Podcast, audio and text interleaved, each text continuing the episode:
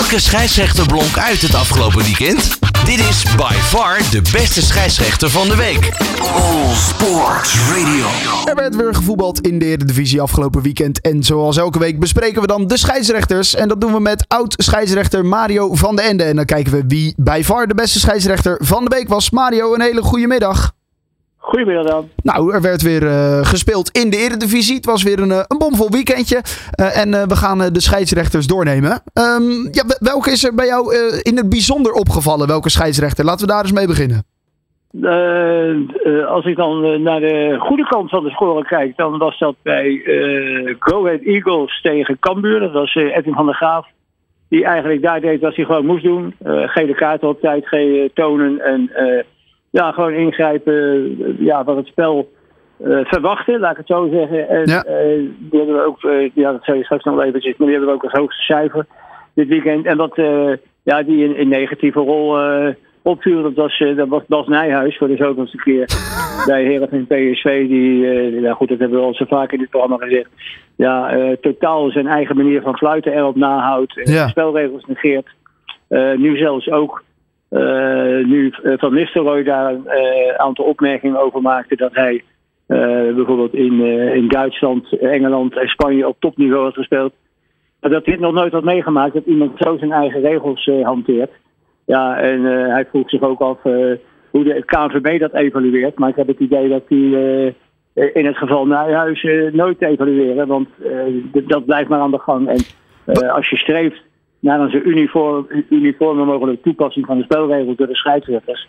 Ja, dan is hij natuurlijk op dat gegeven een, eh, Ja. een, eh, een grote dissonant. Ja, wat wel gek is, want volgens mij is die, misschien is dat ietsjes minder geworden in, eh, in het afgelopen jaar, maar hij is in ieder geval bij, bij het publiek wel een lieveling in dat opzicht.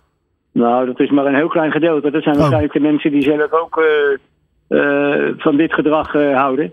Maar mensen die gewoon streed volgens de regels, volgens de spelregels willen leven. En die hebben we nu eenmaal in het voetbal met z'n allen afgesproken. Eh, denk ik dat hij daardoor eh, toch, toch, toch gewoon als een eenling wordt gezien. En eh, ja, nou laat ik het zo zeggen. Ik hoor in ieder geval niet bij die mensen die jij net zei. Oké, oké. Nou, dat is helder, maar volgens mij was dat al het geval. Laten we de andere wedstrijden bespreken waar jij het graag over wil hebben. Nou ja, er zijn een aantal situaties eh, toch opgevallen. Dan ga ik even terug naar afgelopen vrijdagavond bij Groningen tegen RKC Waalwijk. Ja. Eh, daar werd eh eh, Lutondo gevloerd door Suflov in, de 16 meter, het zogenaamde 16 meter gebied. Wat natuurlijk 16,5 meter is, het stadsgebied. Eh wat ik heel vreemd vond, dat als scheidsrechter van de Kerkhof ja, in een goede positie stond, maar toch het geval niet waarnam. En door de VAR, in dit geval Alex Bos, naar de kant werd geroepen. En toen ging die bal in ieder geval alsnog op de stip. Even later was er wel een terechte rode kaart voor Balken, de verdediger van Groningen, die op een lompe, ja, een lompe, eigenlijk een lichte, maar wel een lompe overtreding maakte. Waardoor hij dus eh, de RGC-aanvaller een scoringskans ontnam. Eh, een strafschop en een rode kaart waren in dit geval terecht. Eh, bij Volendam Ajax, gaan we een dagje later, zaterdag, eh verbaasde het mij dat eh scheidsrechter Lindhout eh, niet afloot eh, voorafgaande aan de 2-3 die Volendam scoorde. Over, duidelijke overtreding op David Klaassen. Ook eh, de, de vierde official die, eh, die trad niet op. En ik had het ook wel heel aardig gevonden. Eh daar is natuurlijk heel veel eh, commotie, heel veel discussie geweest over de wijze waarop eh, de gewisselde Tadic in het instructievak van de trainer samen met Schreuder ja, stond, stond te dirigeren, leek het wel. En in de spelregel staat namelijk dat slechts één persoon teg- tegelijk bevoegd is om instructie te geven vanuit het zogenaamde trainersvak. Oh. En eh, het is natuurlijk heel raar dat en de scheidsrechter, in dit geval Lindhout, Perez, official en de ervaren assistent als Zijnstra, eh, het niet is opgevallen, of misschien wel opgevallen, maar niet durfde op te treden. En tegen Tadic zei eh, van gaat u even zitten. Of tegen Schreuder zei, en dat, ja, ik neem aan dat allereerst een, de trainer toch verantwoordelijk is voor die coaching. Maar dat staat dus in de spelregels, dat één persoon bevoegd is om instructie te geven uit de instructiezone. Dus daar mag ook geen assistentcoach bij staan. Eh, dat, eh, die mag dan geen instructies geven. Oké, oké. Opvallende, wist ik niet dat die regel er was. Ik dacht als ze binnen dat vak blijven, dan is het prima. Dan, dan mag de hele ploeg er staan. Maar eh, oké, er mag dus maar eigenlijk één speler of e- één, één persoon staan. Nee, dat staat, nee, dat staat eh, specifiek in de spelregels. Eh, slechts één persoon. Oké. Oké. Ja. Goed om te weten. Sparta tegen Emmen. Daar eh, werden twee treffers afgekeurd eh, wegens buitenspel. Eh, bij de 2-1 en bij de 2-2 stand. Allereerst van Krooi. Nou goed, dat, die, daar was voorafgaand aan de aanval buitenspel geconstateerd door de VAR. En uh, Womeni, de speler van Emmen, die scoorde op een gegeven moment, dacht hij 2-2. Hele onoverzichtelijke situatie, maar dat was uitstekend gezien door assistent uh, Dobberen, zoals hij heet.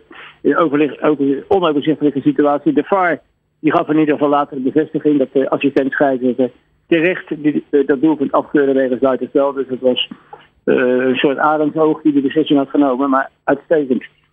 Bij NEC Excelsior uh, leek het op een gegeven moment vlak voor rust 1-0 te worden. Of NEC Excelsior, sorry.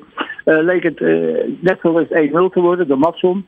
Maar in de aanloop van dat doelpunt was Henk geconstateerd door de VAR, gelukkig door het Proper. Van de Eijk, de scheidsrechter, zag het niet. Maar ja, die zag wel meer niet in die wedstrijd. Maar de VAR, in dit geval Teube, die zat wel op te letten en die had die nog geconstateerd. Even later uh, werd er ook een overduidelijke overtreding op uh, van, Ane van NEC gemaakt in het strafschopgebied. Geen reactie van Van der Eyck, ook geen reactie van Teuven. En dat verbaasde mij nogal, omdat het voor mij gewoon een 100% strafschop was. Dan bij Utrecht AZ werd er wel een strafschop gegeven door scheidsrechter Koes Bioek. Maar goed, dat was een, een, een slijding naar de bal waar, bij de verdediger van AZ de bal, tenminste de bal wat tegen de arm kreeg, maar ja, die, bal, die, die, die arm die was helemaal tegen het lichaam. Ja. Uh, hij werd gelukkig terecht door VAR Oosterom uh, naar de kant gehaald, Koesbejoek. En uh, ja, toen werd de strafschop werd dus gewoon, zoals het ook hoorde, tot, tot hoekschop gebombardeerd. Dus dat was in ieder geval een goede VAR-ingreep.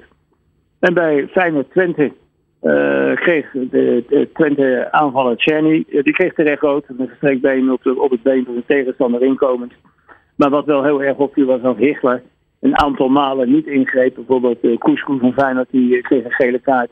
Maar dat had zomaar rood kunnen zijn. En, en Trauner die maakte een aantal overtredingen, waaronder eentje in het grasgebied over of van Wolfswinkel die helemaal uit, uh, ja, uit positie werd getrokken, waardoor hij niet meer bij de bal kon en, en niet meer kon afwerken zoals hij dat had gewild. Maar daar werd niet ingegrepen en ook de VAR in dit geval Makkeli, die had waarschijnlijk of in te dutten of vond het ook, ook niet zwaar genoeg. Maar dat verbaasde me wel dat, ja, dat daar toch, toch wel regelmatig met, met twee maten werd gemeten. En Heerenveen PSV, ja goed, over het fluiten van, van Nijhuis hadden we in het begin van de uitzending al over. Ja. ja, en ik denk gewoon dat dat, dat toch eens een keer goed onder de loep genomen moet worden. Omdat je ja, ook voor het product voetbal, daar is de KNVB natuurlijk verantwoordelijk voor. En daar is de arbitrage een heel belangrijk ja, onderdeel van. Omdat ik altijd, ja, dat is dan een beetje mijn uitdaging van hoe beter de arbitrage is, hoe beter spelers en het spel zich kunnen ontwikkelen. En ik denk dat de KNVB daar nog steeds verantwoordelijk voor is. Ja, inderdaad. Oké. Okay. Uh, nou ja, dan is het tijd om uh, de balans op te gaan maken. Wie is de beste scheidsrechter van het seizoen? Dat bekijken we eerst per week. Dit is by far de beste scheidsrechter van de week. Met Mario van den Ende. Precies, met Mario van den Ende. Ja, wat, wat was een beetje het groepsgemiddelde? Uh, hebben ze over het algemeen een, een positief weekend gedraaid? Of was het toch beneden maat ja, over het algemeen? Nou goed, kijk, als ik zo een hele waslijst uh, weer doorneem... Uh, die dus ook voorkomen bij ervaren scheidsrechters... die ook regelmatig Europees actief zijn... Ja, dan kan ik niet zeggen dat ik, dat ik een gat in de lucht sprong. Maar uh, wat ik eerder in deze uitzending zei, Edwin van der Graaf, die, die, die gaf in ieder geval een glimlach op mijn gezicht. Ja. En die hebben we dus vandaag, of deze, dit weekend, kunnen bombarderen tot, tot bij far de beste scheidsrechter van de week. En die mag het ook helemaal alleen vieren deze week? Die mag het deze week helemaal alleen vieren, dus voor wat het waard is. Kijk, nou, dat is in ieder geval hartstikke mooi. Welk cijfer heeft hij dan gekregen?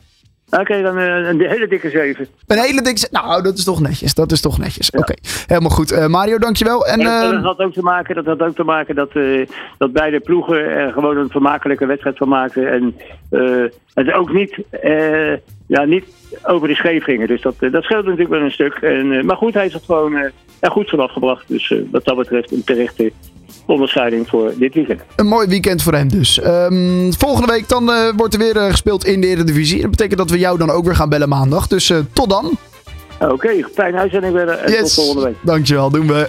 Welke scheidsrechter blonk uit het afgelopen weekend? Dit is by far de beste scheidsrechter van de week. All Sports Radio.